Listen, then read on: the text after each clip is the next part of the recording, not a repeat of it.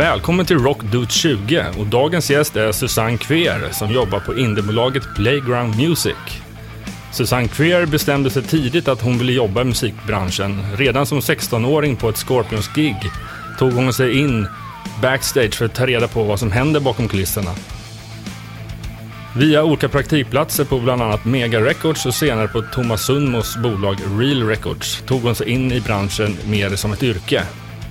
I slutet av 90-talet så var hon en av dem som var med och startade upp indiebolaget Playground Music där hon fortfarande jobbar kvar idag.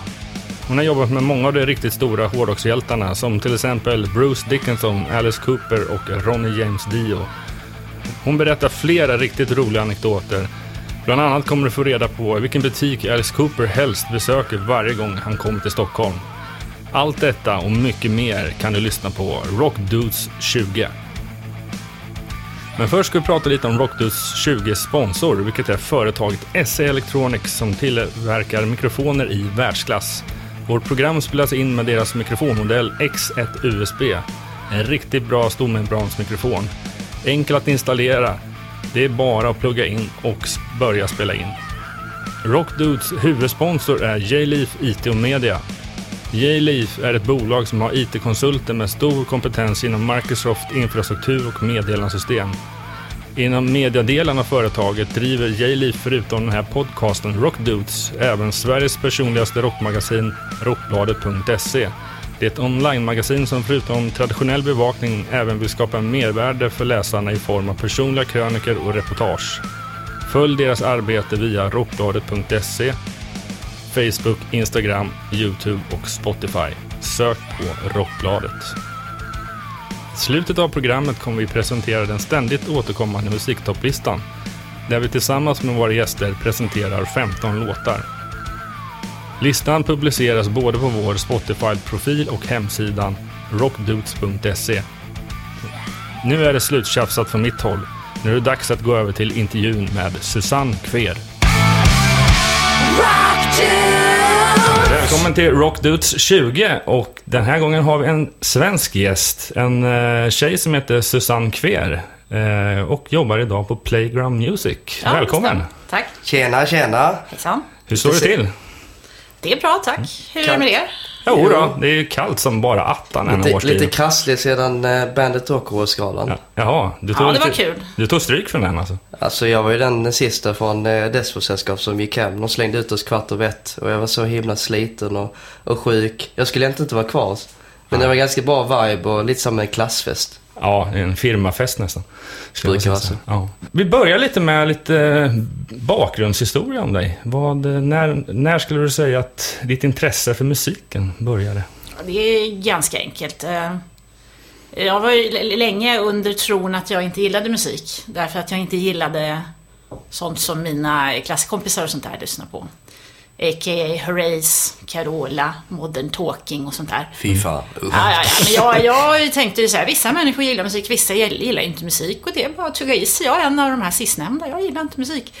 Eh, och sen fick jag ju höra en, en, en låt på radion då, eh, Rockbox faktiskt. Eh, Whitesnake, Slide It In, 1984 var det. Och då kände jag, men det här, förstår du. Så jag såg ju tunnelbanan in till stan då, jag bodde i förorten där. Köpte albumet på kassett. Eh, stoppa in det i min freestyle, som det så modernt hette på den tiden. Och insåg att jag gillar visst musik, fast jag gillar bara bra musik. Precis. Så att eh, jag var 12-13 när jag började liksom eh, fördjupa mig i hårdrocken helt enkelt. Och så, Så- har det väl förblivit kan man Så säga. Whitesnake var liksom öppningen för allting kan man säga. de förstörde mig totalt. Jaha. Det är lite ett otippat band ändå. Normalt är det så att typ, ah, men jag börjar med, eh, ja, med Metallica Kiss, ja. eller Kiss eller Black Sabbath. Men Whitesnake är ändå så lite Ja, men, men grejen är ju åt- 84, om du inte hade så här storebrorsor eller någon så här tuff kusin som lyssnade på Metallica och var liksom invandrartjej i förorten. Det var ingen som visste vad Metallica var, eller Slayer eller de där va. Sen fattar man ju, sen liksom insåg man ju hur, hur det hängde ihop. Men jag var ju helt själv så här, ensam barn, hade ingen som kunde så här förstöra mig eller påverka mig. Utan det var bara jävla rockbox då till slut som öppnade ögonen. Så så var det, jag var så här, ja, lägre tonåren. och, Ja. Det var ändå lite strångt. Rockbox, vad, vad var det? Är det P- P3-koppling till eh, Håkan Persson? Nej? Nej, det var Nej. långt innan Håkan. Det Men det, det va? var, det var liksom hårdrocksprogrammet som alla lyssnade på. Aha. Och så satt man liksom och spelade in på kassett naturligtvis då. Den här record play-knappen sådär. Och, Har du kvar banden? Blandbanden? nej, nej, kanske i någon gömma. Jag vet faktiskt inte. Problemet är att bara få dem att funka idag, så här, 30 år senare. Jag har kassettbandspelare fortfarande, både på jobbet och hemma. Ja. Old school. Ja. Ja, det har inte jag kan jag säga. Det är svårt att få tag på några gamla retro. Nej, Faktum är att jag är på väg att leta efter det själv. För att man, det var mest bara för att man var nyfiken på alla de här blandbanden man spelade på, när man, eller spelade när man var yngre. Det är lite kul och, Spelar du nostalgiskt. Metallica? Ja, Metallica faktum att. Metallica kom inte så tidigt in i, i, i mitt liv så som eh, Susanne berättar om eh, Whitesnake. Utan det kom lite mer i senare tonåren. Men det var samma sak där. Jag har inte varken föräldrar eller vänner som var hårdrockare. Så att det var mera en kompis storebrorsa. det var på den vägen det var. Liksom. Men eh, om, man, om man tar det där från tonårstiden då, eh, så var det, blev hårdrocken ett intresse med Whitesnake. Eh, men hur ledde det in till att du skulle kanske vilja jobba med musik? Ja, men jag, mm, då började man naturligtvis köpa upp, upp sig på backkatalog och upptäcka nya band från och kring och runt. Alltså Whitesnake var bara inkörsporten.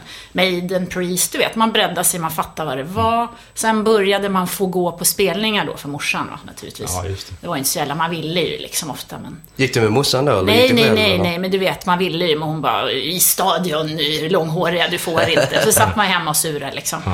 Eh, Men sen till slut fick man in åldern, när 15, 16, vad kunde hon göra liksom? Man, var- man åkte in liksom. Så stod man där ute och hoppas på det bästa och fick köpa någon biljett för halva priset. Ja, men du vet som det är.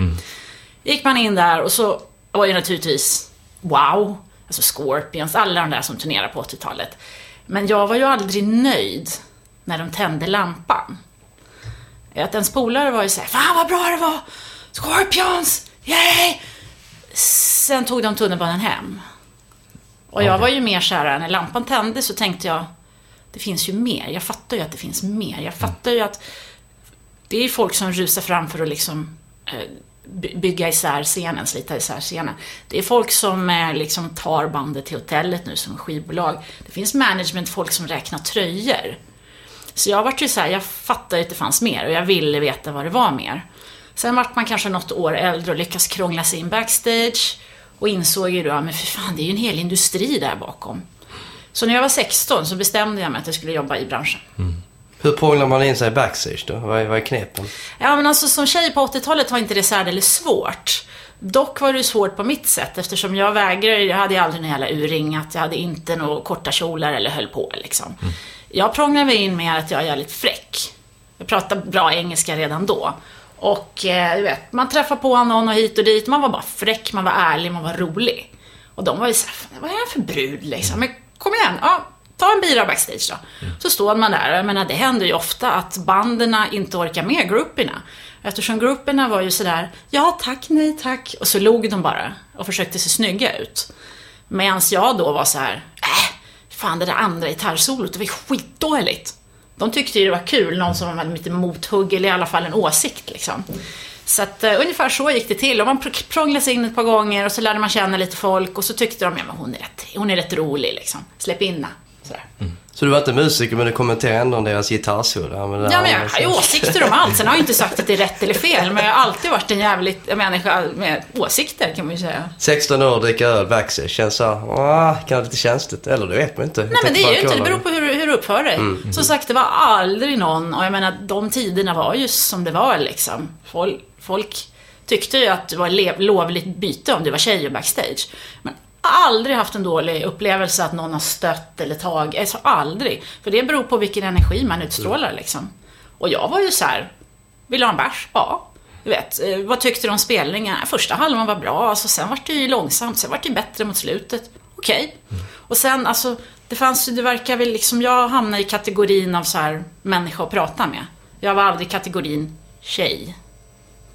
Nu gör jag luftcitattecken. Ja, ja, men det låter ju grymt. Det är häftigt. Det är lite en sån här true story någonstans. Att man eh, det, jag menar, det är så mycket folk i den här branschen som verkligen börjar om från början och gör allting på sin egen väg och, så, Mm. och, och bygger och sådär. Så Om vi, är om, vi, om vi har tid någon gång ska jag berätta storyn om när jag klev in i, i Scorpions omklädningsrum med falska backstagepass. Men det är en annan historia. Ja, det, det, det kan vi berätta. Allt. Är det en minnesvärd konsert det där på 80-talet? Scorpions för Ja, det här var faktiskt tidigt 90-tal då. Okej. Eh, de, de var ju...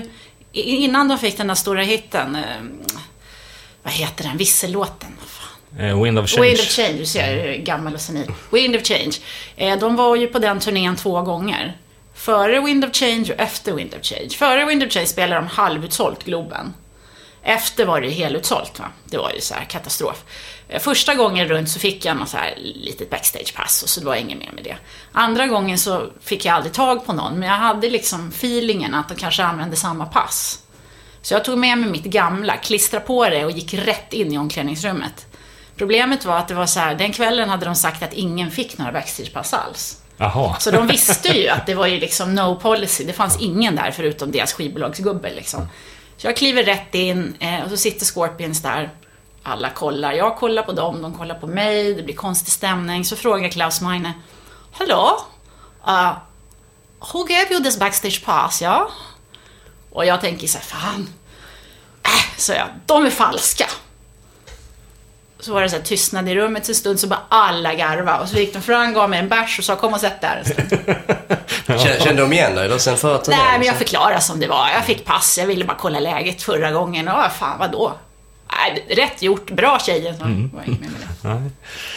Men ifrån lite, i och för sig att vara ett eh, fan av branschen kan man nästan kalla det för och vill veta mer. Eh, när kom vändpunkten till att du började jobba med det? Det var inte fråga om vändpunkt, det var fråga om att man var tvungen att gå i skolan liksom. Ja. Men Fanns det utbildning det- då för, för sånt Nej, det fanns inga utbildningar alls. Allt Nej. sånt där som finns nu i Hultsfred och hit och dit och fram och Mm. tillbaka, det, var ju, det fanns inte. Enda sättet att börja i branschen var ju att bara hitta något hål och börja. Mm. Eh, nej, men jag eh, gick ut gymnasiet där då eh, och visste att jag ville börja jobba i branschen. Jag ville inte plugga fast jag kunde det. Det var inga problem betygsmässigt. Men jag ville försöka komma in i musikbranschen och just då, runt 91-92, fanns det en sån arbetsmarknadsåtgärd som gick ut på att du som ung människa fick praktisera i sex månader någonstans. Du får hitta vad du vill. Eh, arbetsgivaren behöver inte betala en, en spänn. Och du själv får ett par tusen så du kan klara hyran och så i alla fall. Va? Mm. Så att det var en sån åtgärd. Man fick ha två sådana praktikperioder per person. Så tänkte jag, bra. Så jag ringde runt och sådär. Det var inte så lätt. Alltså det var inte som idag. Det fanns inget internet att slå upp på. Och jag lovar dig, när du öppnade telefonkatalogen 91 så fanns det liksom ingen rubrik som hette skivbolag. Så det var ju hej kom och hjälp mig. Det var ju lite Texas liksom. Jag letade nummer och det är hit och dit och fram och tillbaka. Men man ringde runt och det... Ni vet, ni alla 19-åring som... Det gick ju sådär faktiskt. Men jag fick napp på ett bolag som heter Mega Records på den tiden. Eh, pratade med en jättetrevlig tjej som tyckte att nej men absolut, vi, vi, vi, det är klart vi kan göra det här. Och så började jag praktisera där och praktiserade där i sex månader. Det var min första liksom, grej in i branschen. Det var ju jättekul, det var lärorikt. Ehm, De erbjöd mig jobb faktiskt efter de sex månadernas slut. Vad är det för, för sorts praktik eh, som du gjorde för sex månader? Ja, alltså i princip det som behövdes, men framförallt var jag som promoassistent. Så jag hjälpte till med lanseringen av artister mot journalister, så att säga. Jag var den länken, försökte sälja in intervjuer, ja men alla sådana och, och allt därtill runt som behövdes liksom. Lära sig skriva en biografi och Och det här var innan internet. Tänkte du man var tvungen att ringa runt och Ja, ja. faxa Ja, och... Man faxade mycket. Det var jättepopulärt att faxa. Vet du. Det rasslade till och så kom det någon fax och så här. Och mail fanns ju inte heller. Nej, Och sen ska man skicka sch- schemat vidare eller intervjuerna. Man var tvungen att faxa till eh, artisterna eller skivorna. Ja, nej, men det- då faxade jag till skivbolaget i England som faxade till management i New York. Som, ja, det var ju en hel kedja av faxeri. Shit. Alltså jag, som sagt, jag blev erbjuden det där jobbet. Det var ju så här alltså, trevligt miljö, det var bra. Det var ju bara hon då som satt där. Nina hette hon, den tjejen. Mm, Men jag var tvungen att tacka nej, för musiken var för vidrig. Jag kunde inte. Var den det? Vad var det Men det var så Leila K. Ace of Base. Alltså mitt första stora jobb var att jobba med en singel som heter All That She Wants. Som ju blev en av världens största superhits liksom. Så det var ju extremt lärorikt, men jag, klarar inte av att jobba med det här dag ut och dag in. Sån musik som inte står mig nära hjärtat. Så jag tackar nej. Det var ju ganska, alltså, så här, i efterhand kan man ju tycka det var det dummaste jag har gjort, men det gick ju bra ändå liksom. Ja, för nu sitter du ändå indirekt, även om du inte jobbar med det, men Playgun har ju ändå en där. Exakt. Så du har liksom inte försvunnit än. Han, han, kom, han kom in häromdagen, uh, Ulf Ja. från Base.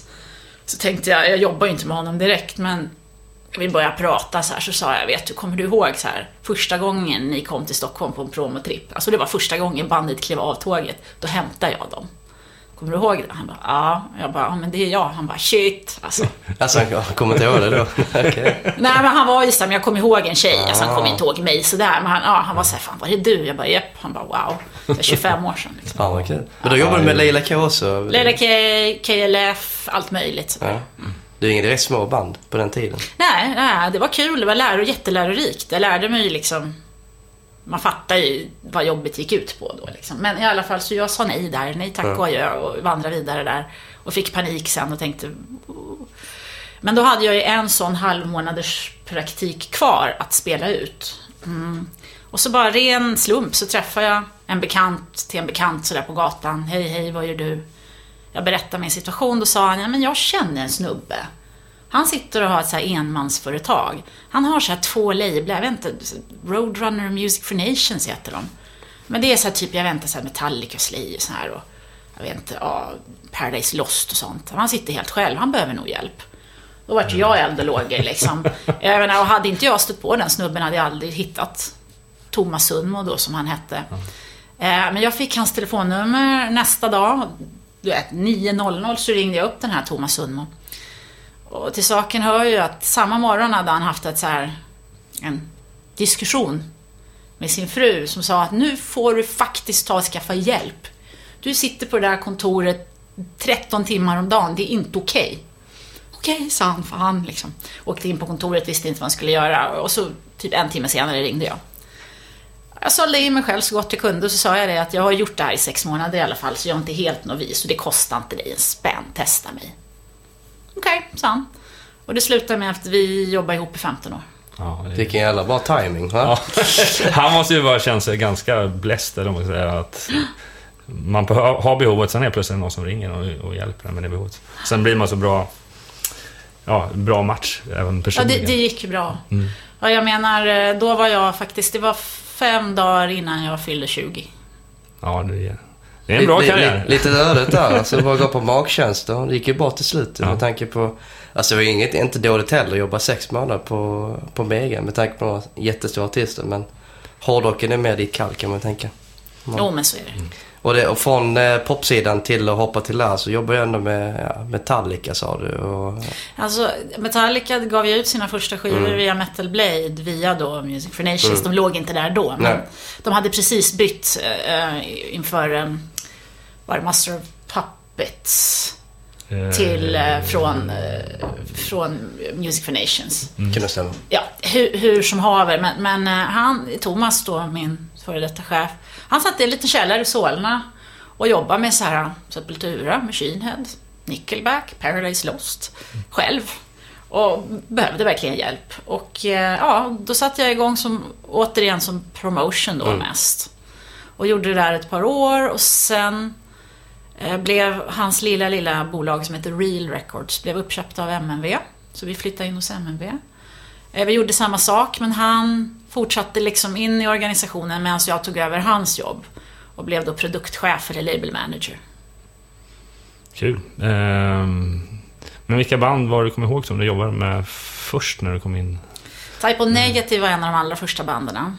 Likaså Paradise Lost. Sepultura släppte ju precis Chaos AD då. Oj. Eh, lite, lite senare var det ju Machine Head. Uh, Slipknot. Nickelback tidigt. Uh, Cradle of Filth tidigt när de fortfarande var relevanta så att säga. Ehm, ah, det är ju bara ett axplock där. Och även lite så här mycket av de här goth-grejerna. My Dying Bride och, och, och, de, och de som låg på Peaceville då. Men du är mer inne på traditionell hårdrock kan man säga? Med heavy metal Nej, liknande? men så jag...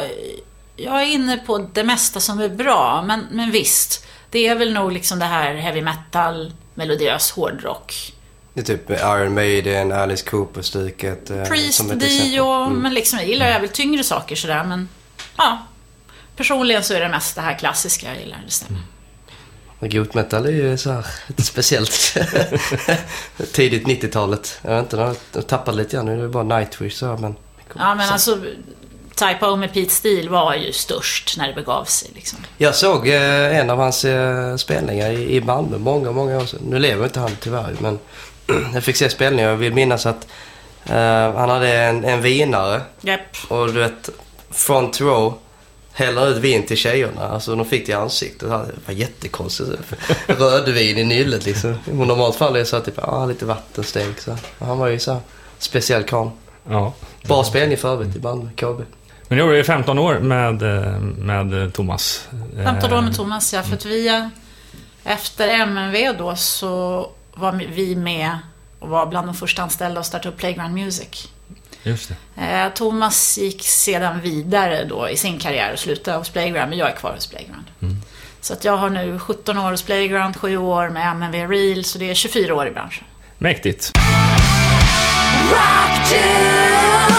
På Playgun gör du fortfarande samma grej. Label manager, promotion. Mm, jag är precis label manager, produktchef, eh, promo för all hårdrock och jag är även faktiskt marknadschef. Eh, mest till titeln eftersom vi är indiebolag så vi sitter ju inte och har en massa miljoner att spendera och sådär. Men visst, jag är, jag är... Men större delen av mitt arbete går ju ut på att vara spindeln i nätet mellan alla de här utländska lablarna. Eh, Sverige, svenska affärer, journalister, allt sånt där.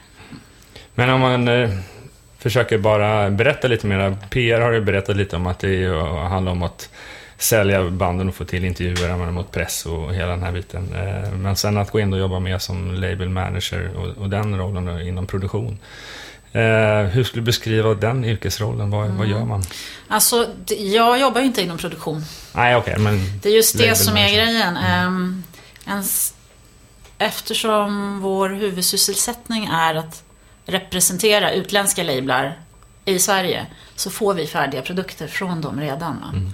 Men vårt arbete är att se till att det finns lager, att de är inknackade i alla system. För det finns ju system som skivaffärer beställer ifrån och så vidare. Va? Det är massa krångligt och tråkigt men det knackas in i olika system. Eh, ser till att det finns lager i tid, att det transporteras från punkt A till punkt B i tid. Se till att all marknadsföring bokas. Eh, och jag koordinerar även Norden, så jag är chef då för Norge, Finland, Danmark. Och se till att de gör det de ska. Lablarna är ju ofta sådär, de kan ju inte allt om alla länder. Så det är oftast, flera gånger om dagen får man frågan, vad tror du det här kan sälja? Man måste ge dem projektioner, gissningar helt enkelt. Eh, Förhoppningsvis utbildade och korrekta och någorlunda välgrundade gissningar, men man måste hela tiden ge folk feedback och sådär. Ehm, Det är väl till stor del det och även tillhandahålla olika texter till blad och så vidare, textproduktion. Och sen då mot promo-människan, som i det här fallet är jag själv också. Ja, ja. Exakt. Hela kedjan. Hårdrockarna är ju hängivna och köper en hel del fysiska fast man inte tror det. Vi lever i ett Spotify-land. Men det finns ju produkter, vinylskivor på hårdrocksband. Så att det säljer en hel del på CD och Ginsa. Så att det är så här lite knepigt att bestämma hur mycket man ska skeppa, misstänker jag. Redan i förväg, typ två, tre månader, när ska jag göra tillverkning. Hur mycket Ja, ska ja. Sverige och sådär. Lång- Långt innan jag vet hur intresset är så, så måste jag bestämma om jag ska ha in 100 eller 500 ex. Vad baserar du på? På tidig försäljning eller hur det går i, i PR-väg i Sverige eller? Ja, ja och ja. Mm. På, på allt. På tidigare försäljning, hur det går i PR-väg, eh, vad jag vet om branschen, hur jag känner allt. Och bara utbildade gissningar. Så det är i princip är allting gissningar kan man väl säga. Konstatera. eller? Nej, alltså man har ju, man, man har ju underbyggnad med siffror från förra skivan och Ja. sådär, men, men, eh, och magkänslor. Men, men det är ju svårt som ny att komma in och göra rätt på det där, det, det ska jag ju säga. Så att eh, det är bra att ha stöd. Nu har jag gjort det så länge så jag behöver inte stöd längre, men länge satt jag ju med Thomas och diskuterade varje grej, för att det är ju, gör man fel så kan man ju sitta med lager. Och vissa dealar är ju kommission. Kommission betyder att skivbolaget äger skivorna De lägger in det på vårt lager. De äger fortfarande skivorna. Vi säljer dem och vi får procent på varje såld skiva. Men när det är importdealar, då köper vi dem från bolaget i fråga. Och det är våra skivor. Om jag beställer 500 och bara säljer 75, då har vi förlorat pengar på den här skivan. Så helt plötsligt kan man sitta där med ett överlager. Shit, shit. Den Precis. Här, den här månaden får jag ingen lön för jag köpte in eh, tusen Cradle Field skivor som inte sålde någonting. som ett exempel.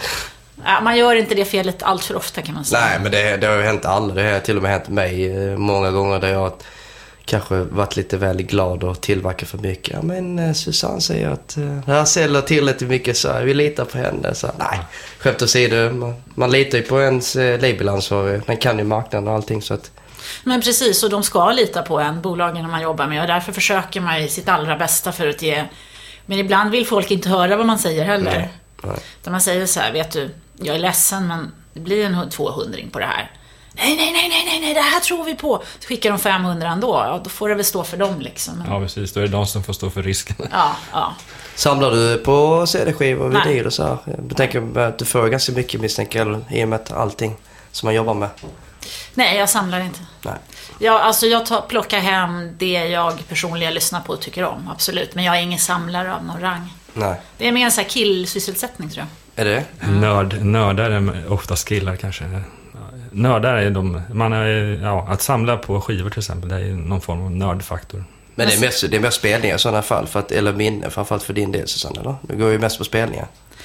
Ja, alltså du vet. Jag går ju på det jag behöver gå på, det jag gillar och sådär. Men som sagt, jag har ingen samlargrej där. Nej, det har jag inte. Om man kollar på spelningar, vad, vad brukar du snitta ungefär? Eh, snitta, det där beror helt på år. Alltså vissa år... Går du fortfarande på allting, alltså som du jobbar med? Eller? I princip ja. Ja, oj. det, det tycker jag är min plikt. Jag jobbar så många år, så oftast känner jag ju banden i fråga. Och det är liksom trevligt. Det är inte så att man kommer in och bara hej, hej, det blir stel och konstigt. Utan man kliver in och träffar polare. Så att jag, jag går på allt jag jobbar med om jag inte är sjuk eller du vet, något sånt där. Det gör jag. Och så går jag även på massa saker jag inte jobbar med. Hur gör man när något krockar då? Hur väljer man då? Äh, men där, den, de som är mest generösa med bärs. Jaha. ja, ganska enkelt så. All right, ja. Du lämnar in en egen rider till bandet helt enkelt. Men det var ju du när du var vem som 16 matchar. år. Scorpions, här har vi bira. Det var kom in. Det är ju trevligt det. Nej, men alltså och, i så fall så kan man ju eh, hälsa på dem gärna på soundcheck och gå på den andra spelningen. Alltså man får ju Det är ett knep. Ja, men det har inte hänt så ofta i hela min karriär så det är inte direkt ett problem kan man säga. Ja, Jag tänkte i och med att det är, när du väl började och hur det är idag. Det är betydligt mer spelning än du, än det var förut. Alla känns som ute och giggar hela tiden. Ja och nej, det var mycket spelningar förr också. Ja, ja. Men det är bara sådär att folk är mer desperata nu för de har inga andra sätt att tjäna pengar på. Plus att eh, var och varannan människa ser ju alla spelningar. Jag menar förut var det, när det gick tillbaka och inte hade datorer, mobiltelefoner. Då var det ju genom att man hade hört det via olika typer av reklamgrejer, att det var en spelning någonstans. Annars var det ju hur svårt som helst. Jag själv så missade jag nog egentligen det som skulle blivit min första Metallica-konsert 92. Den missade jag beroende på att jag fick reda på den för sent. Så biljetterna gick åt så fort även då. Fick du inte Fast det inte- faxet? det gick inte åt på en dag, men nej, jag hoppade 92, igång. var det Globen? Då var det Globen, ja. Jag gick 93 istället på Stadion. Du missade inget. Det vet jag inte. Jag var inte där så att... Jag kommer inte ihåg spelningen men jag var backstage. Ja, just det. Mm. Yes, om vi kollar lite mer saker som du har sysslat med i karriären så har du ju även jobbat som turnéledare för några turnéer för några olika band. Kan du berätta om vilka band och turnéer det har varit? Ja, men det stämmer. Jag, jag, på, jag kan inte påstå att jag är turnéledare, men jag har hjälpt till lite Ja. i, i vissa lägen. Eh, Heat, som eh, jag jobbar med från allra första början, från första plattorna och även körde Mello med, eh, Thousand Miles.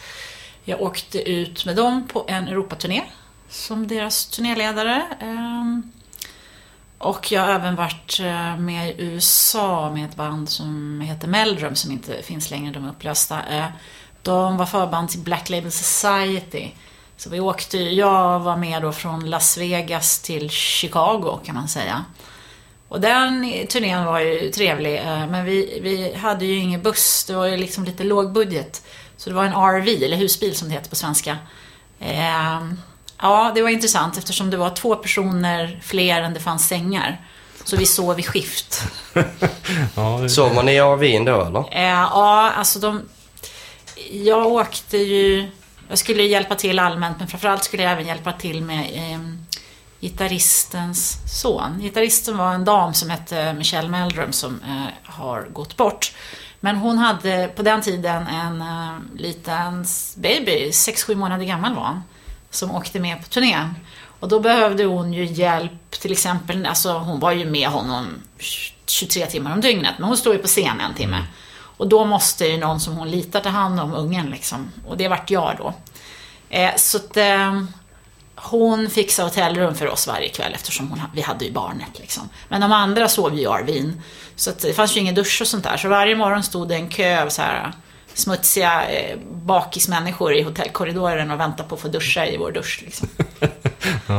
Men det är roligt, man bondar. De där människorna är mina vänner för livet liksom.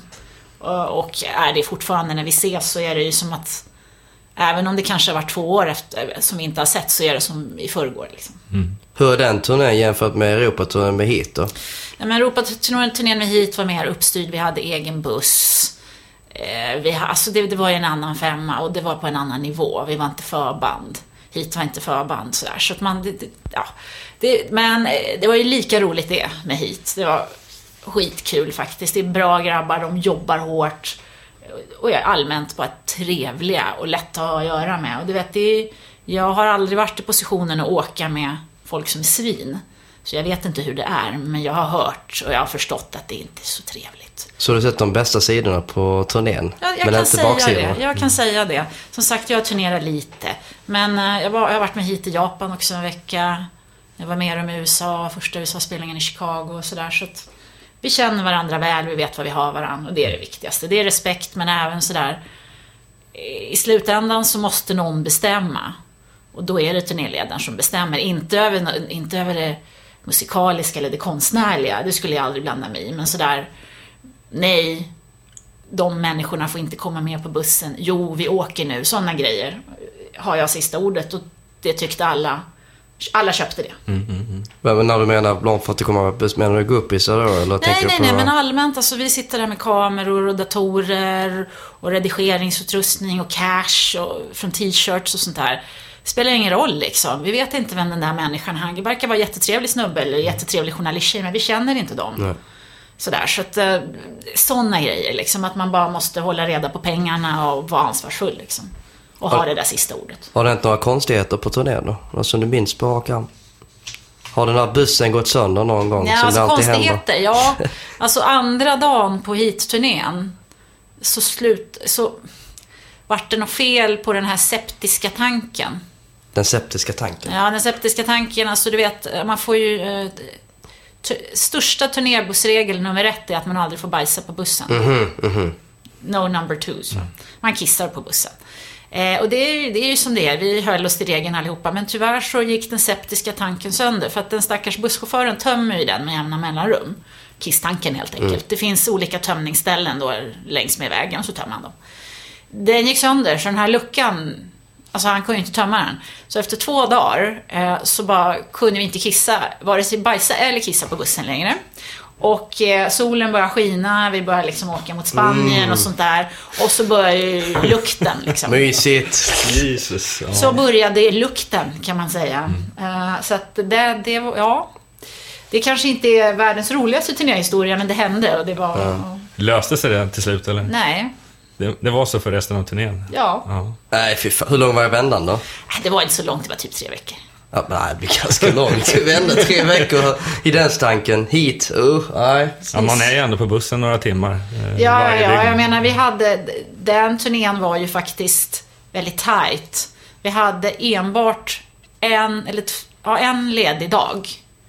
Men det var ju mellan England och Barcelona typ. Så Ja, vi tillbringade den genom att åka buss genom Europa.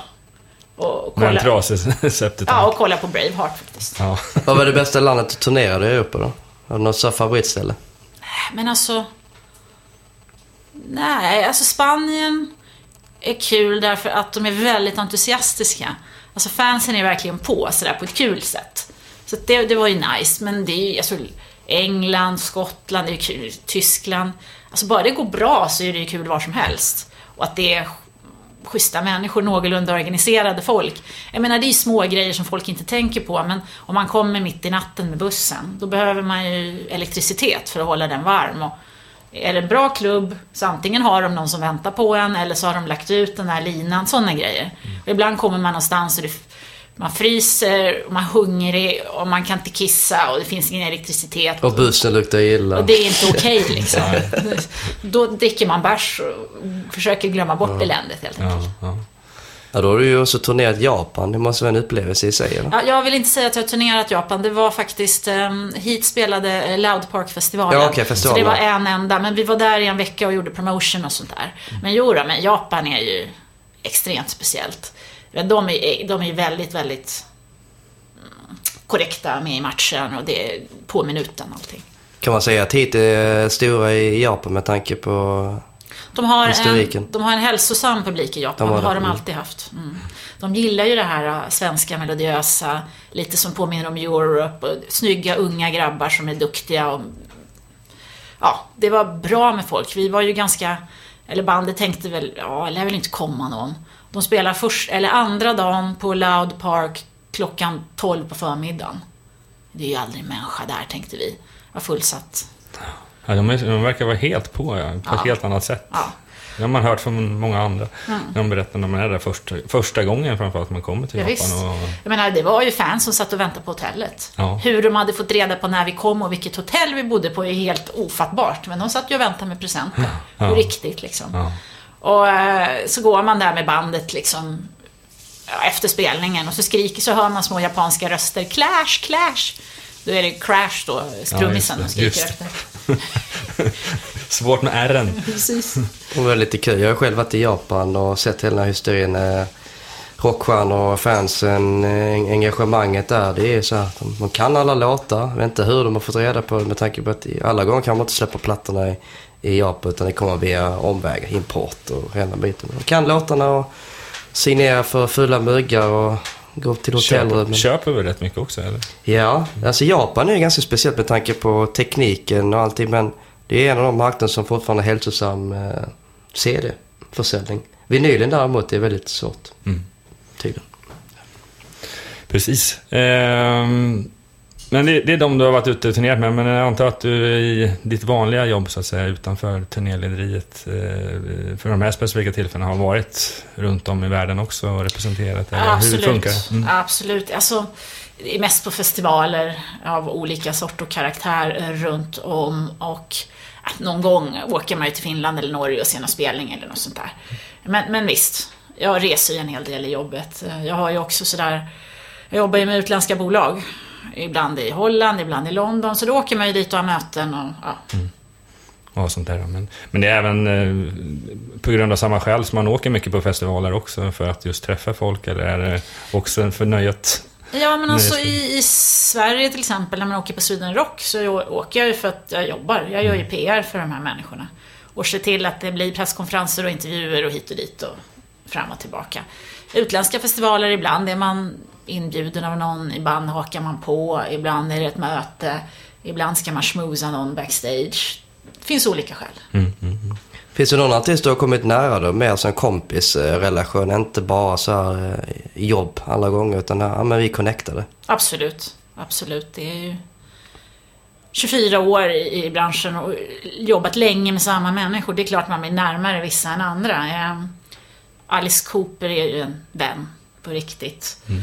Eh, på riktigt menar jag, det är inte bara det här när han, kliv, när han åker genom stan, utan vi är vänner. Eh, Bruce Dickinson i Iron Maiden är en nära vän till mig. Eh, Monster Magnet faktiskt, alla de grabbarna. Mm. De, alltså, det är någonting med östkustamerikaner. De är lite råare och lite sådär. Jag brukar kunna connecta med dem, så att eh, det har hänt att man åker till New York och bor hemma hos någon av dem övernattade i Jersey. Liksom sådär. Mm i någon spare room. Liksom. Precis, mm. det är jätteroligt. Ja. Hur är det att träffa Alice Cooper då? Hur är han som person? Han är extremt smart, jättetorr humor, alltså rolig. Och eh, ganska privat av sig. Alltså han är trevlig om han skulle träffa dig eller eh, Ömer eller dig Jonas och så det. Han skulle alltid vara trevlig och korrekt, men han är ganska privat. Men när han slappnar av så är han så här, han är, han är med rolig och skarp humor och han gillar när man vågar prata tillbaks till honom. Eh, och så är han ju, eh, han är ju nykter alkoholist sedan många, många, många, många år. Men han har ju ändå det här missbrukarbeteendet så att han, han kan inte göra någonting lagom. Han gör ju allting för mycket. Så han älskar ju då att spela golf, det vet ju alla. Ja, det har man ju Eh, sett. Det är, golf är ju hans, han kliver upp fem på morgonen och spelar golf och sådär. Eh, och sen älskar han ju att shoppa. Och då tänker man, ja, ja, jag går ju handlar på Biblioteksgatan. Fel! Nej, Alice Cooper älskar, ju billigare desto bättre. Så han älskar ju H&M. Alltså, han har aldrig varit så glad som när H&M öppnade i USA. Han bara, look! There's H&M there now, it's great! Så det har ju hänt flera gånger att ehm, han har varit i stan då för att göra promotion. Och då säger han, eh, kräver han ju alltid två timmars lunch och det är inga konstigheter. Så kliver han ut ur rummet, försvinner. Två timmar senare kommer han tillbaks med fullastad med påsar. Och påsar från H&M och Kubus och sådana ställen. Eh, och sen så insisterar han på att köra modevisning. Säger han. Look, look at this shirt, isn't it great? Sätter han på sig den och liksom, ja, jo, jo, säger jag, den är fin. Then check, check this jacket out, it was like 46 bucks. Ja, eh, och sen älskar han ju att gå på bio också. Eh, han, eh, är, alltså han ser ju samma film 5, 10, 15 gånger.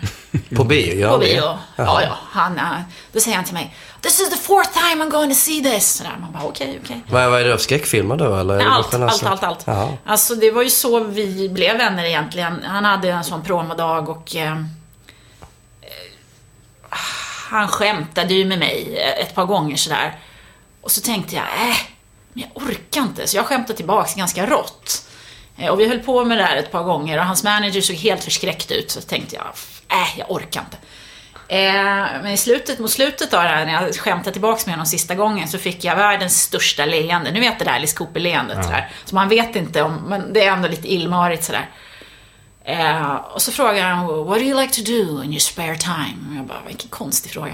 Sa, hit och dit, fram och tillbaka, jag gillar att gå på bio. Me too, sa han. Okej. Eh, så skulle vi säga hej då, klockan var väl kanske fem på eftermiddagen, då sa han, downstairs, eight. Så gick han därifrån. Tänkte jag, va? Men, det var ju oh, jättekonstigt sagt, men det var ju liksom ingenting att ifrågasätta. Så jag står där, Sheraton, lobbyn vid hissarna klockan åtta. Tänker, fan vad menar han liksom? Så öppnas hissdörren. Kliver han ut. Hej, hej, säger han. Jag bara, hej, hej. Vi ska gå på bio, sa han. Det hade han bestämt helt själv. Mm. Eh, alltså, så slutade med att vi först då käka. Satt och käkade fyra små rätter faktiskt på någon kinakrog Som han insisterade på. Eh, sen gick vi, vi promenerade till eh, Sergel.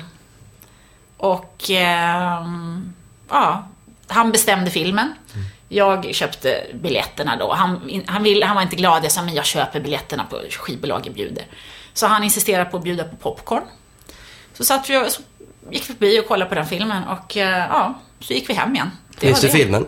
Nej, Okej. jag minns inte filmen. Men jag har gått på bio med honom tre, fyra gånger till. Liksom. Så han kommer hit, gör PR, ni shoppar och sen går ni på bio? Nej, han, shoppar, han, han shoppar själv. Men Han gör det? ja, men han säger, alltså han frågar inte. Det är inte så här, har du tid ikväll eller har du sett den här filmen? Utan han säger bara 8 o'clock. Och då fattar man ju när man bara okej. Nu är det biotime. Precis. Men det blir lite konstigt. H&M finns ju typ i varje land. Han Ja, numera, men inte då. Aha, alltså. okej. Ja, ja, det är svensk... Eh, precis.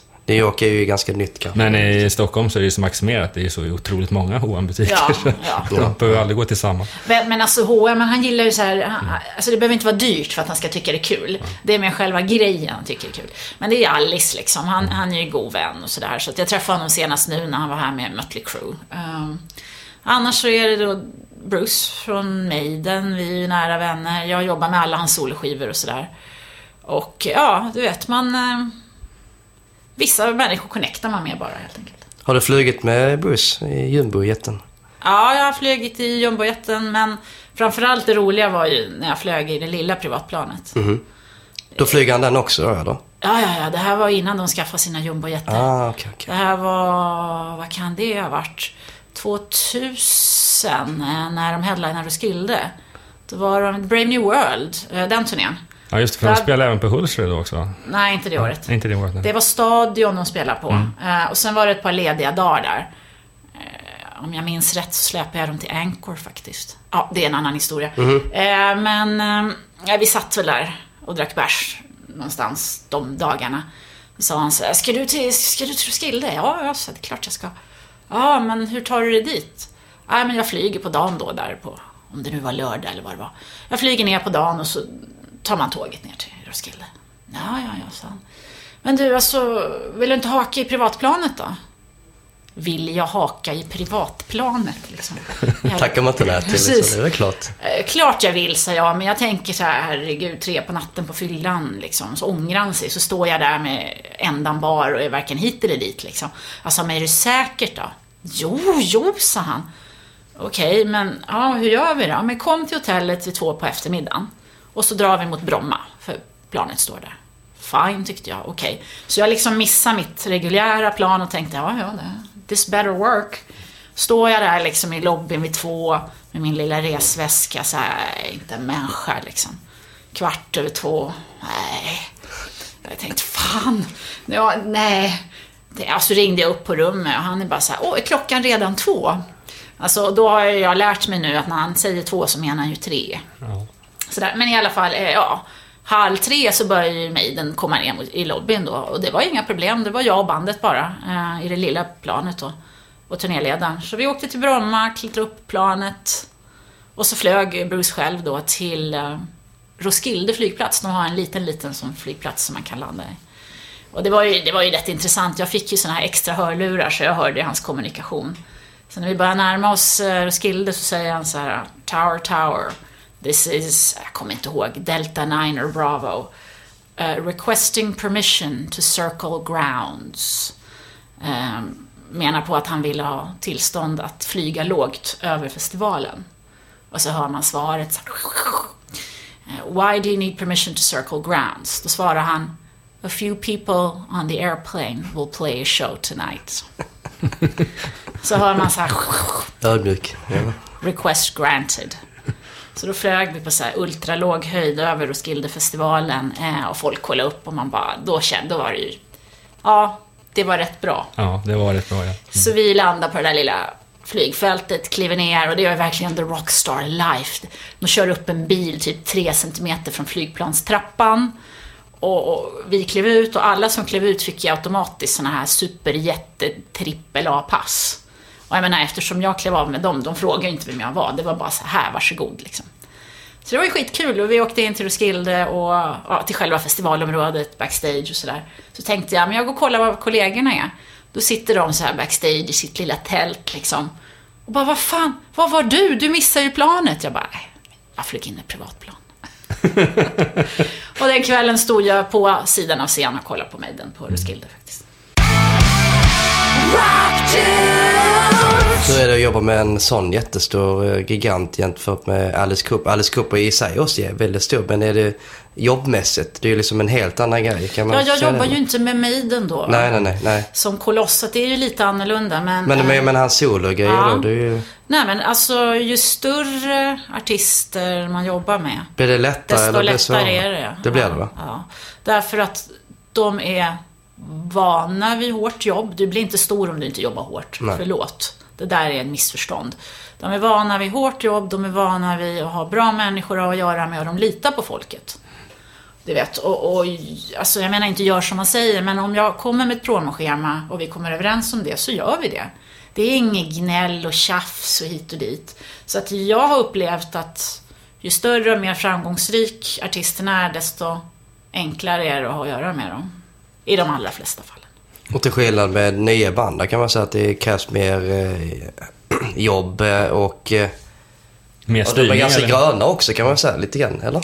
Ja, men visst, det där är olika från band till band. Mm. Men ofta så förstår de kanske inte alla led. De förstår inte att det kanske är rätt viktigt att vara trevlig här nu mot det här lilla fanzinet. För imorgon, alltså det är ju det är hårt arbete och, och vara trevlig hela vägen som gör att man om ett år, två år, fem år kan ha den där långa karriären. Eh, och, det är ju så, det här klassiska, vad är det man säger, var trevlig mot alla på väg upp för det är de du möter på väg ner. Så, så är det. Ja, exakt, exakt. Menar, alla vitsord är ju, får man i alla lägen, även om man pratar med en journalist eller ett fan. Det är mm. same, same egentligen. Det handlar ju om att folk ska sprida. Och jag menar, så, bara för så här, en gigant i branschen, Dio, Eh, jag jobbar med honom länge, länge, länge och jag kan säga att jag aldrig träffat en trevligare människa. Han var ju bestämd, han var ju ingen så här pushover. Han var inte pantad. Men han var super, super trevlig och framförallt tog han hand om sina fans som ingen annan. Och det där betalar sig. Folk fortfarande, det spelar ingen roll vem du frågar, som någon gång har träffat Dio, säger alltid samma sak. Finns det någon svårjobbad artist då? Yngwie Malmsteen har du jobbat med kanske? Han Jag har tuff? jobbat många, många år med Yngwie. Jag har aldrig haft något problem med honom. Nej. Aldrig någon gång. Många har det, jag har inte det. Det är skönt att höra. Ja, det är bra att höra en motsatt story. Tvärtom, tvärtom. Jag, har- jag och han har alltid haft... Det är lite roligt. Han är ju rolig liksom, men han är ju lite... Han, flytt, han flyttade ifrån Sverige när han var väldigt ung. Så det är mycket av... Han har tappat... Alltså, mycket av det som vi har i vår kultur har ju han tappat, för han liksom flyttat till USA vid 16. Så hans ref, referensramar är ganska gammalmodiga, men samtidigt lite roliga. Eh, men jag har aldrig haft problem med honom. Ja, skönt. Jag tänkte på eh, Whitesnake. Eh, Upp till första band du fick se, eh, eller komma in i Japp. själva game. Fick du någonsin jobba med dem nu? Ja, ja. Hur känns det att först ha sett eh, de många åren och sen helt plötsligt jobba med det? Men alltså... Känns ens idol om man så till viss del. Känns det lite konstigt eller? Nej, men alltså jag tänkte ju sådär att det här är inga problem såklart. Herregud, jag jobbar med folk jättelänge, det är min skillnad. David Coverdale, vadå? Spelar väl ingen roll. Men jo då. När jag väntade på honom på flygplatsen så var det väl lite sådär Starstruck, eller? Ja, men det var ju lite en halv minut av Ja. oj. Men eh, sen kan man, alltså, så kan man inte arbeta. Nej. Han kom ut ur, ur, ja, från Arlanda, vi hälsade, vi satte oss i bilen och sen var det glömt. Och sen pratade vi och vi jobbade och vi käkade middag och det var inga konstigheter. Nej, men det är, det är det som behövs. Men det är inte alltid... Det handlar om professionalism, ska man väl säga. Att, eh, att eh, inte hamna i det här momentet på att man... eh, Fan, ja. girl, fanboy grejen men absolut. Jag menar, som sagt, man är ju bara människa. Och det är klart att det finns en feeling av det ibland. Mm, men det viktiga är ju att behandla, alltså det är, det är inte kul att bli behandlad som en rockstjärna hela tiden. Folk tycker inte det är roligt. De tar ju hellre någon som är ärlig och, och rak och sådär, behandlar dem som en vanlig människa, än någon som bara säger ja tack, nej tack och viftar med ögonfransarna. Det är inte kul liksom. Alltså oftast när, man, när jag träffar musiker eller man jobbar så här så pratar vi inte alla gånger om musik utan de har andra intressen som eh, de är mycket väl glada över att prata. Så, så filmintresse som med Alice Cooper till exempel. Det måste vara hur mycket som helst som man måste sitta och prata men vad tror du om den här filmen och den ska vara. Så finns det andra intressen eh, utöver musiken som det hör du med dag ut och dag in. Som till exempel. Ja, men det är klart. Alltså, jag, jag pratar nästan aldrig musik med artisterna jag jobbar med. Alltså, det, det är klart det händer, men, men jag menar det är inte så här äh, vårt stora samtalsämne, det kan jag inte påstå. Det kan vara allt. Vissa är intresserade av branschen. De frågar mig hur är det i Sverige, hur är det med här Spotify, hur funkar det och hur stor marknadsandel, alltså det är mer business-snack. Vissa snackar om sin fru och vissa bilder på barnen. Eh, Vi sitter och diskuterar Shakespeare. Oj. Eh, Vi sitter och diskuterar liksom, ja men, så här som konstiga grejer. Type O Negative till exempel, som jag jobbar med tidigt, de är ju också nära vänner till mig. Så ett tidigt samtal var så här, vi pratade favoritförfattare, jag vet inte hur vi kom in på det. Eh, och då säger gitarristen, ja ja, men min favoritförfattare är Albert Camus. Och jag bara, wow, så började vi prata så här modern filosofi. så att nej, musik är sällan något vi diskuterar faktiskt. Har du alltid haft ett brett intresse så, eller har du på, på vägens gång skapat Nej, jag, det? alltså jag är...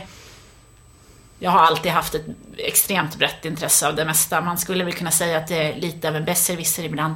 Jag försöker hålla igen, men historia, religion, filosofi, litteratur, allt sånt där. Jag har alltid varit intresserad av det.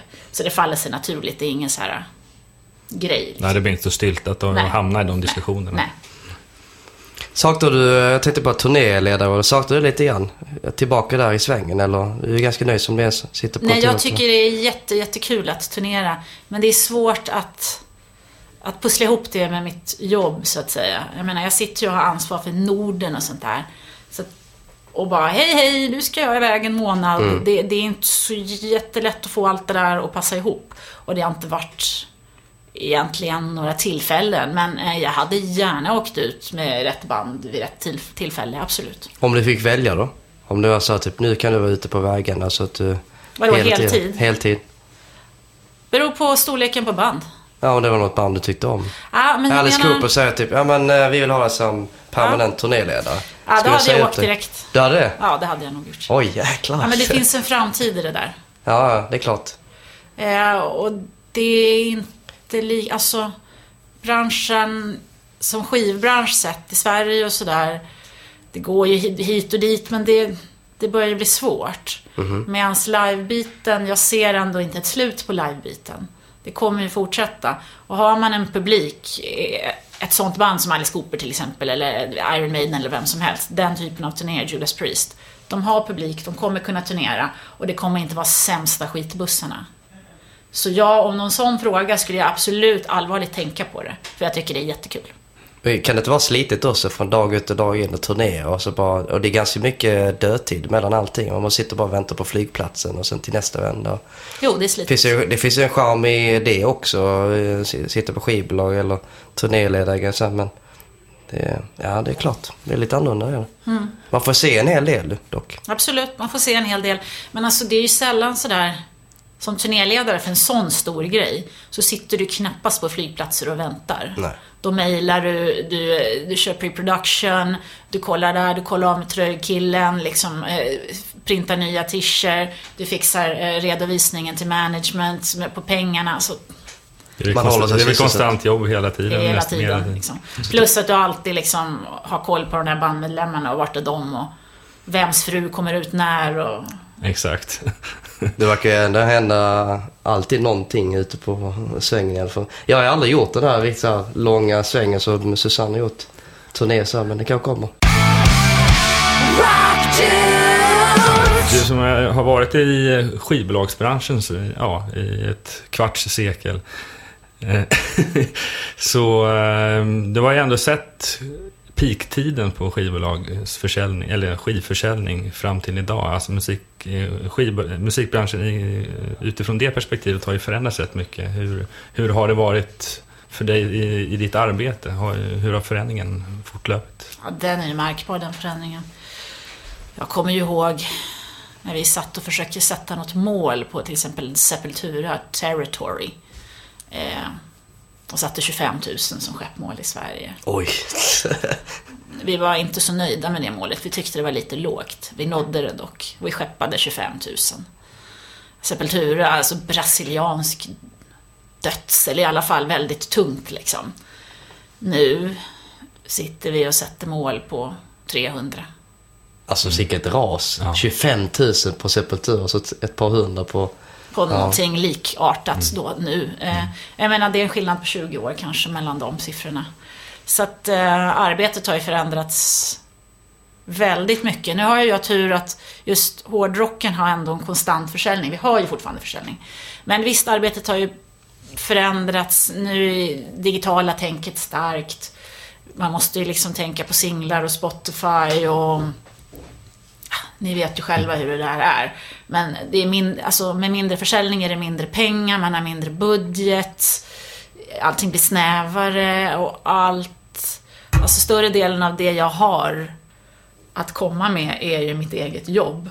Jag försöker liksom sälja in intervjuer och sånt där. Jag har inga budgetar längre och så, utan det är bara att försöka rida på den vågen helt enkelt. Det kommer alltid behövas någon som eh, jobbar med intervjuer och maximerar artisterna så, inom media. Så att det finns ju kvar i alla fall och det intresset tror jag inte direkt eh, går ner utan snarare tvärtom, det ökar. Nej, men det, finns, Eller? det måste finnas den där förbindelsen. Den där eh, mellanhanden mellan artisten och management och journalisten i fråga, liksom, som ser till att det blir smidigt. Så journalisten behöver inte veta hur många gånger man har behövt ändra schemat och sådär. Så och det är ju likadant i turnésituationer eller i, när man är med artisten i fråga. Många gånger får ju skivbolaget eller PR-människan bära hundhuvud. Och det tycker jag är en del av jobbet. Jag menar, ibland kan artisten säga jag är trött nu. Jag vill faktiskt inte prata med fansen. Men han kan ju aldrig säga det till dem. Utan när, vi kliver ur hotellet, då är det jag som är så här. Nej, han gör ingenting. Och så knuffar jag in honom i bilen sådär. Det gör jag inte för att jag är elak, det gör jag för att oftast har jag blivit ombedd att göra det. Liksom. Men då kan fansen vara arga på mig och inte på artisten. Och det är så det ska vara. Är det då det har gått något galet då på någon, kanske någon intervju? Det är värsta som kan hända är att en inställd intervju eller under själva intervjun så händer någonting. Har du varit med om en sån konstig grej? Nej, Alltså det är klart att intervjuer har ställts in till höger Ja, ja, och vänster. Men inte sådär så att det blivit något, öppet liksom. Konstiga Nej. frågor och sånt där. Nej, nej. nej. Men alltså ofta så klarar man ju av det innan och bara... Jag är ganska ärlig så jag kan ju säga som det är. Det har hänt något och vi är tvungna att ställa in och sånt där. Jag försöker att vara så ärlig som möjligt på alla plan. För det betalar sig. Alltså, om man sitter och ljuger för journalisterna och de får reda på det så har man ingen cred kvar sen. Liksom. Du skriver de om det till slut ändå? Alltså, de nej men och de, de tror ju inte på dig sen nästa gång när du säger något. Va? Så att jag känner, nej, ärlighet är bäst. Vad är det största man kan göra inom media då? Är det Rockbladet eller är det... Men Rockbladet, De- så vi de- drömmer de- ju. Precis. Skavlan? Idag är det väl Skavlan, eh, rent hur många människor man når. Skavlan, TT Spektra, sådana här grejer. TT Spektra är då så kallad news agency. Eh, så det är massa, massa eh, tidningar på landsbygden som inte har egen nöjesredaktion. Då köper de nöjes. Så att en intervju kan man ibland få 2-3 miljoner läsare. Så det är ju bra. Så Skavlan på TV. Men annars är det ju ganska dödfött liksom. Men Skavlan har du fått in några till? Kevin Costner har varit där Ja, jag har haft? Kevin Costner, jag har haft... Men gud, vem har jag haft mer? Nu ser jag, jag glömmer bort. Vi håller på med några grejer nu också. Okej. Så att, mm. Men Kevin Costner och hans eh, country, eller vad heter det, country eh, rockband. Så. Mm. Hur är det jobb med en Hollywood-skådis då? Det var intressant.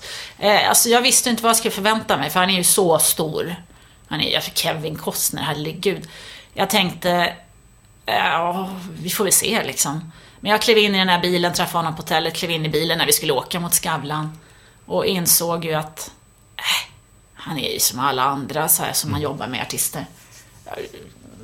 Vare sig musiker eller skådespelare och sånt där. Så jag började prata med honom precis som jag skulle med någon annan. Vi åkte förbi Vasamuseet.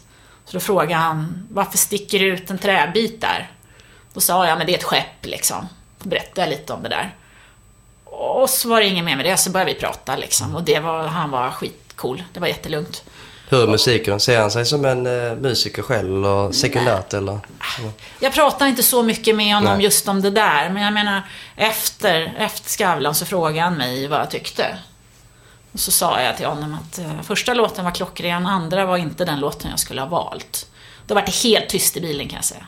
Hans manager, jag, trodde, jag trodde han skulle själv dö. Jag trodde han skulle antändas i bilen.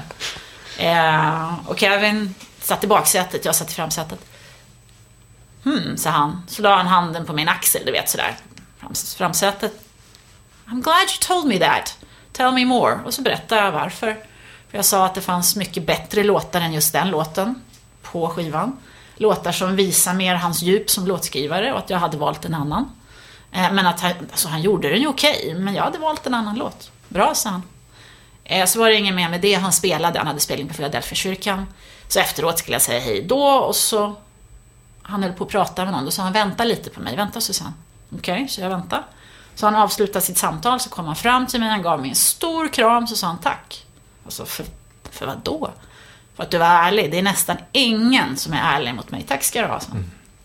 Nej, det måste ju en sån megakändis alltid få råka ut för att det bara jag, jag nickar det hela tiden. Eh, mer eller mindre vad han än gör säkert. Äh, lite så är det. Bortsett från någon film här och där som Ja. har gått riktigt dåligt. Han var ju med i Bodyguard. Waterworld.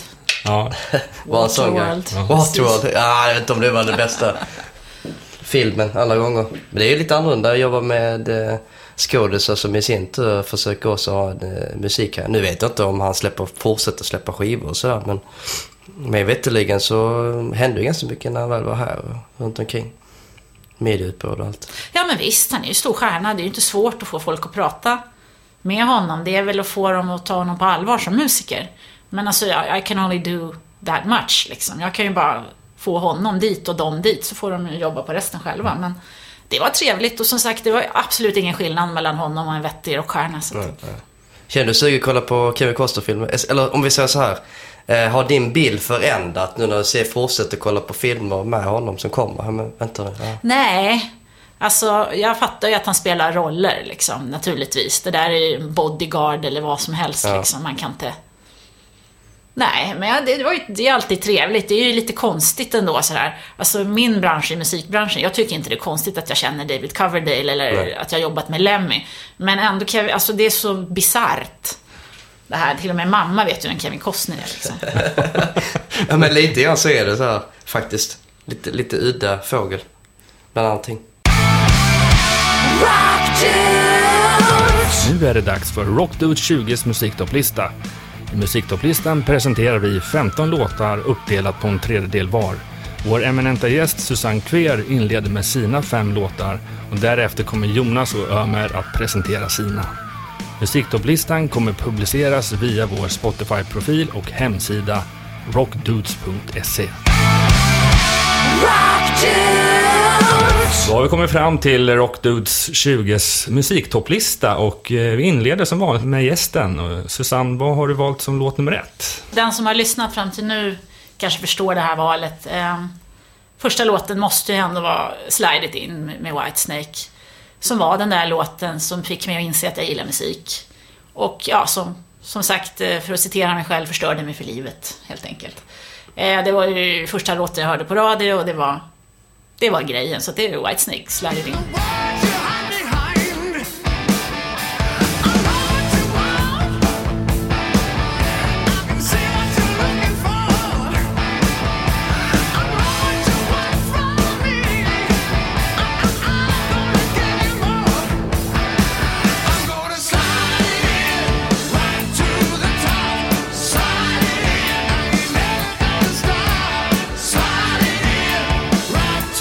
Ja, vad har du valt som låt nummer två? Alltså sen där när man började köpa flattor och började jobba sig igenom hårdrocken så kom jag in på det här eh, tyngre heavy metal-grejen, det här klassiska brittiska. Så att eh, med tanke på min lilla Maiden-story där så har jag faktiskt valt en Iron Maiden-låt här. Det var fruktansvärt svårt kan jag säga. Jag eh, har legat i valet och kvalet. Men till slut var jag ändå tvungen att välja en klassiker. Maiden-låtarnas Maiden-låt helt enkelt. Hallowed be thy name.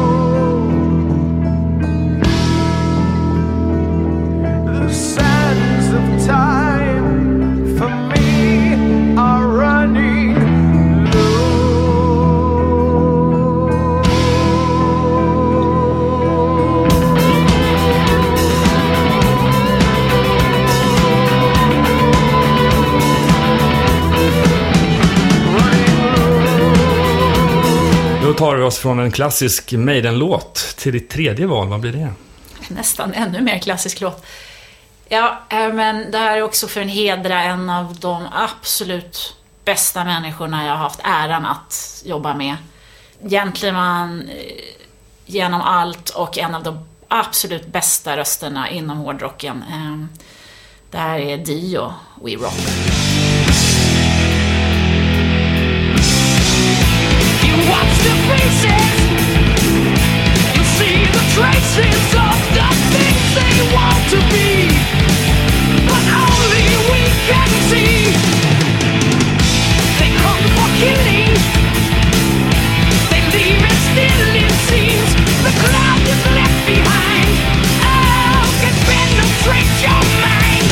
Ja, det här var en av hårdrockens stora hjältar, eh, Dio. Eh, nu har vi kommit till din näst sista låt. Vad blir det? Jag valde ett av de första banden jag faktiskt på allvar började jobba med där eh, 92, 91 när jag började jobba i branschen. Eh, jag köpte den här plattan innan jag började jobba med den. Det här är Sepultura, Brasilien. Som faktiskt är också nära vänner till mig fortfarande och jag jobbade med dem i många år. Men den här plattan köpte jag som fan enbart sådär innan jag visste att jag skulle jobba med dem. Så det var liksom en kul grej att cirkeln är sluten. Så det här är Arise med Sepultura.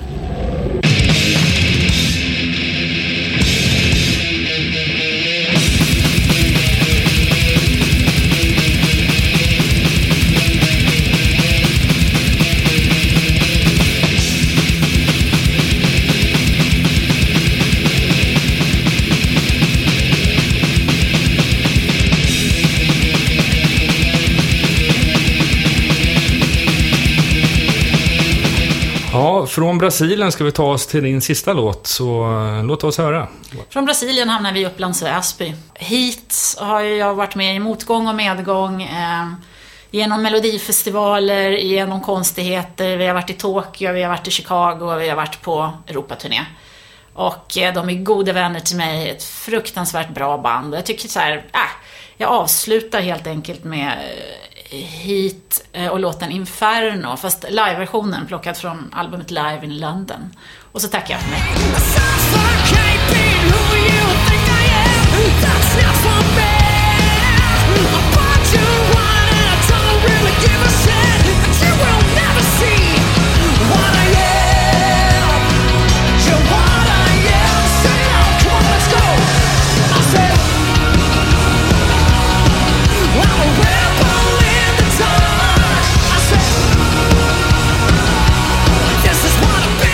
Nu har vi kommit till eh, Jontes topp 5. Och eh, jag har ju kollat lite grann innan på den här listan och det är ganska smörig metal eh, till gränsen till pop faktiskt. Så att eh, där får du fan förklara dig vad första låten är. Ja, men första låten det är ju faktiskt inte så himla mycket smörigt och mainstream hit och dit, utan det är ju faktiskt australiensiska Wolfmother som spelar sin 70-tals skitiga garagerock, kan man väl kalla det för. Eh, de har ju släppt en ny singel, de är på gång med en ny platta här. Eh, singeln heter Gypsy Caravan och det är en väldigt, typisk Wolfmother-låt, men det som egentligen fick mig att upptäcka Wolfmother eh, var för kanske tio år sedan när jag såg dem på Hultsfred. Faktiskt bandet innan eh, Ozzy spelade. Och eh, äh, sjukt bra driv, bra energi och äh, jättekul att se live. Och jag tycker det representeras bra även på skiva. Så att lyssna in på deras nya singel Gypsy Caravan.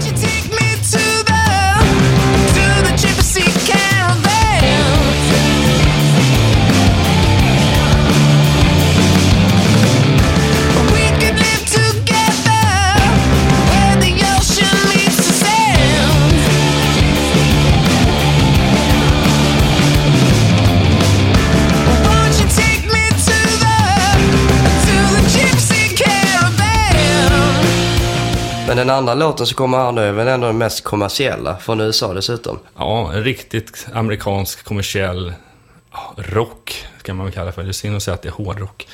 Three Doors Down är aktuella med ny platta här och eh, de har släppt en eh, singel eh, från den som heter In the Dark. Och ja, det går ju helt i deras bana sen tidigare. Det är inte en, varken utveckling åt det ena eller andra hållet, utan att det, ja, det är en ny schysst låt som säkert kommer slå som tusan på radio. Spelas mycket. Så lyssna och bedöm själva.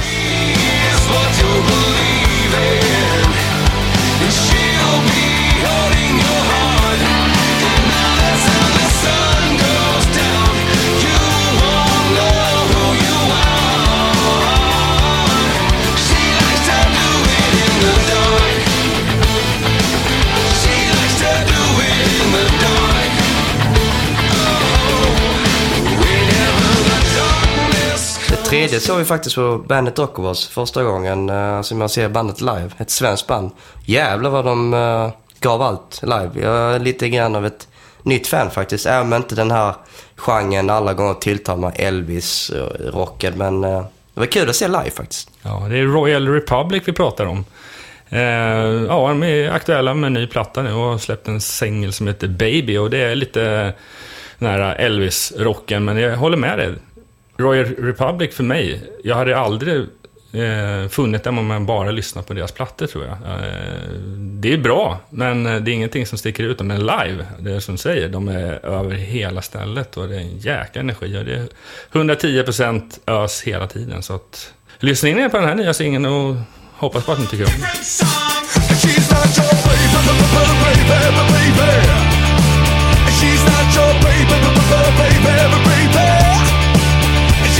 She's not your baby, baby, baby. She's not your baby,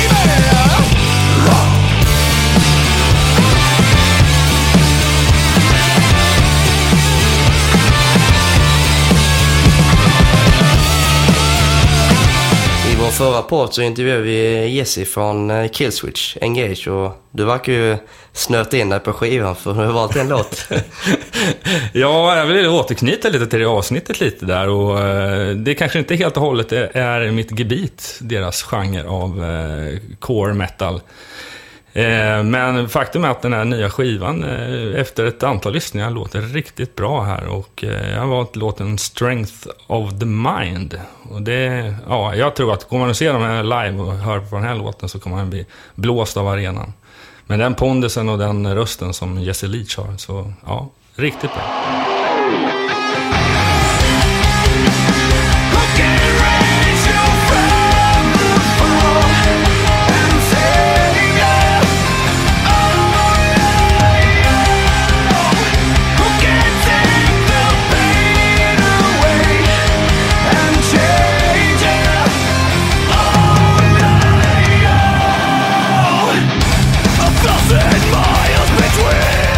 Sist men inte minst så har du valt en för mig helt främmande grupp som jag aldrig hört talas om. Men säkerligen bra. Vad är det här för något? Ja, det är, bandet heter Writing the Future och jag har valt en låt som heter Soldier. Lite varför jag valde den här låten är ju att det, är kanske inte bara själva bandet och låten i sig, utan det är bandets mission med sin musik. För att eh, de vill någonting mer. De vill, alltså det är klassiskt att säga att man vill förändra världen, men de jobbar hårt för det och jobbar med flertalet hjälporganisationer. Och eh, de, nu den här kommande turnén de kommer på så kommer de eh, skänka Någonstans mellan 10-20% av sitt gage till hjälporganisationer som ska hjälpa människor i svåra situationer. Till exempel mobbing eller liknande. Så jag vill gärna stödja det bandet för ett, ja, ett good cause.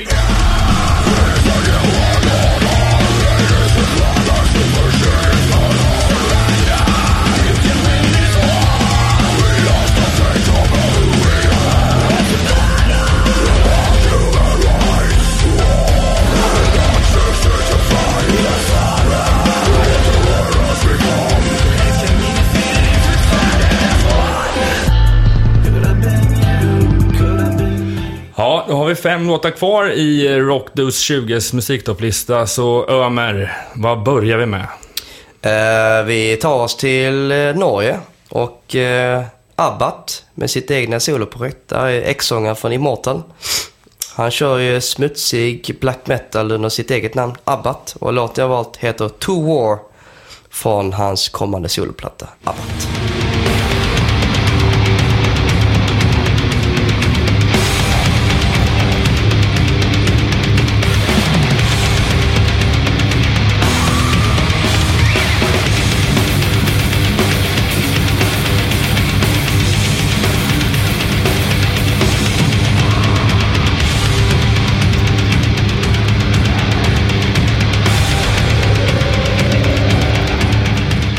Från lite norsk smutsig black metal. Vad har vi sen då?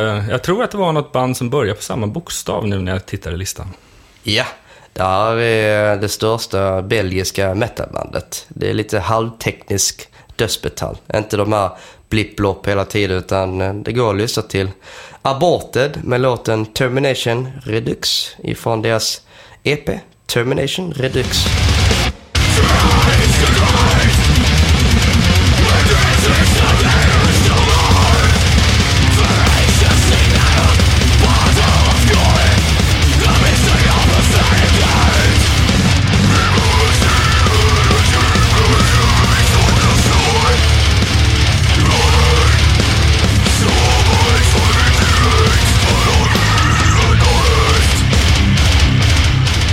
Snart är vi halvvägs in i listan här, så låt nummer tre. Jag har ju bara valt extrema grejer den här gången och eh, nu vänder vi oss till Grekland. Och grekerna kan sin metal tydligen. Här har jag valt Greklands eh, mer eller mindre äldsta band, Rotting Christ. Eh, och låten heter LT Kyrie från deras eh, kommande platta LT Kyrie. Och eh, ja, man skulle säga att genren är extrem metal. Väldigt så att ta godbitarna från dödsen och blacken och göra sin egen grej.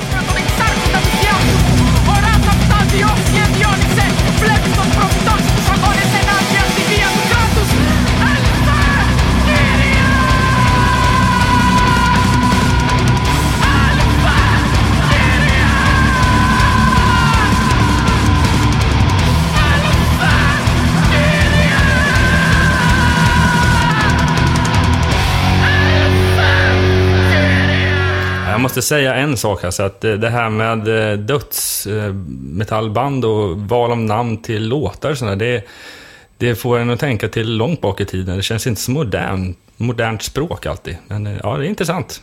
Grekisk Ja, de, de, är dödsmetall alltså. de är utfinningsrika de här herrarna. Ja. De har inte så jävla mycket att göra när de sitter där eh, och det är kallt ute och är en hydda någonstans i, ja, långt bort i stan.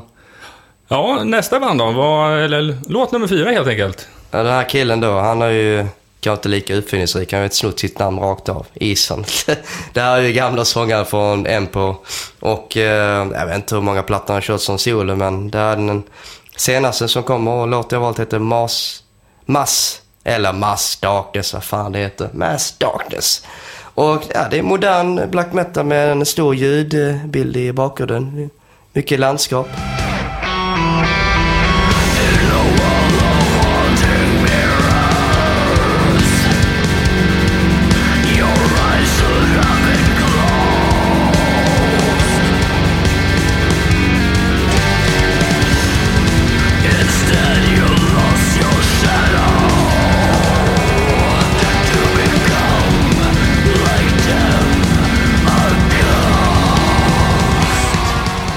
Du, nu kommer vi till den sista låten på listan och nu har det i alla fall kommit någonting som är lite mer kommersiellt om man nu får kalla det för det. Ja, eh, Dave Mustaine, ex-Metallica, som eh, kör under sin egen flagga Megadeth. Eh, med låten Death from Within ifrån kommande skivan Dystopia. Det roliga här med den här topp 5-listan för övrigt är att eh, Rotting Christ och Dave Mustaine kommer inte överens eh, Reddit. Jag vill minnas att de skulle spela på en festival där Megadeth som eh, headliner. Passus är väl att det faktiskt den här Dystopia släppes idag när vi spelar in. Gör det det? Ja. Ja, hur, hur som helst så är han ju en nybliven kristen och vill inte alls att Rotting Christ skulle spela på samma ställe. Men du hör ju själv, Rotting Christ. Å andra sidan har ju Megadeth med en låt som heter Death from Within så jag tycker lite så här löjligt men hej. Är man nybliven kristen så... Ja,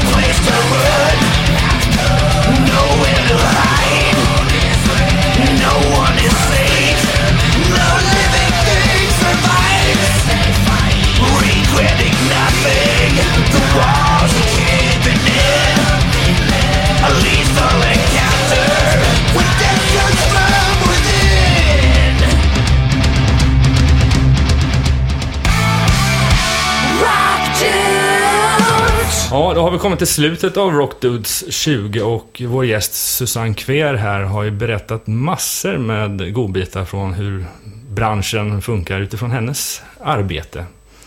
Eh, Lärorikt. Väldigt lärorikt faktiskt. Sjukt lärorikt. Hoppas du har haft det trevligt. Ja, men absolut, det är väl alltid trevligt att prata om sig själv i flera timmar. Ja, ja, såklart. Lite egoboostar, det gillar vi. Precis. Men vi får tacka så jättemycket. Tack Tackar. snälla för att jag fick komma hit.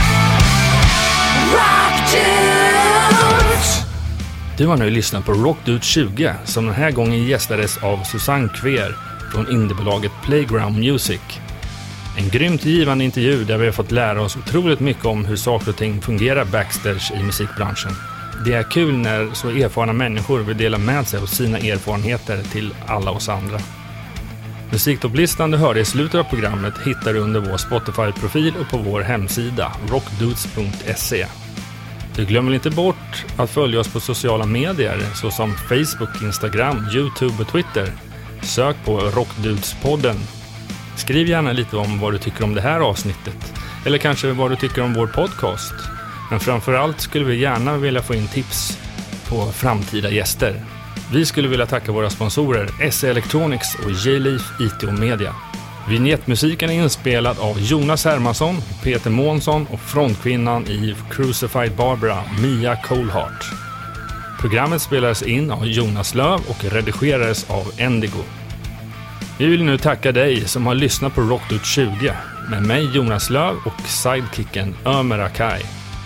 Nästa avsnitt, Rockdude 21, kommer gästas av en kille som levt rocklivet till 100%. Jag pratar om Nick Borg från Backyard Babies. Den är helt och hållet inspelad på engelska och kommer publiceras den 26 februari. Fram till dess, ha det king! Rock on!